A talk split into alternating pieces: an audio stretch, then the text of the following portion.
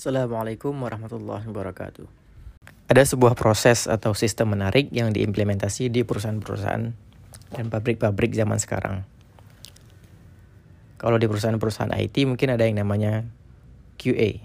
Kalau di pabrik-pabrik mungkin juga ada yang namanya quality control.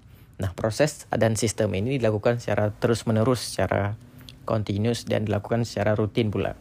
Tujuannya adalah untuk menjaga kualitas produknya tetap dalam keadaan terbaik dari waktu ke waktu.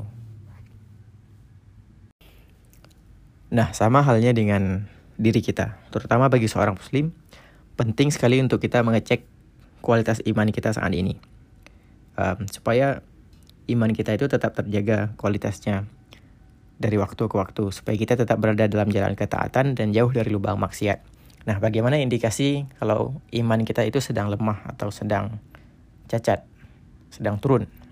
Nah, indikasi sederhananya itu adalah dengan cara melihat sholat kita Apabila kita sholatnya tidak tenang, tidak khusyuk, dan tidak tepat waktu, jarang ke masjid, nah itulah indikasi-indikasi lemahnya iman kita saat ini. Nah, bagaimana cara memperbaikinya? Kalau kata Ustadz Hanan Ataki, uh, prosesnya inilah recharge iman, ngecas kembali iman kita layaknya layaknya kita ngecas baterai HP kita. Caranya adalah dengan cara datang ke majelis ilmu, karena dengan majelis ilmu itulah kita dapat mengingat kembali uh, tempat kembali kita nanti akhirat. Akhirnya kita semakin, menjadi semakin terjaga imannya dan semakin semangat beribadah.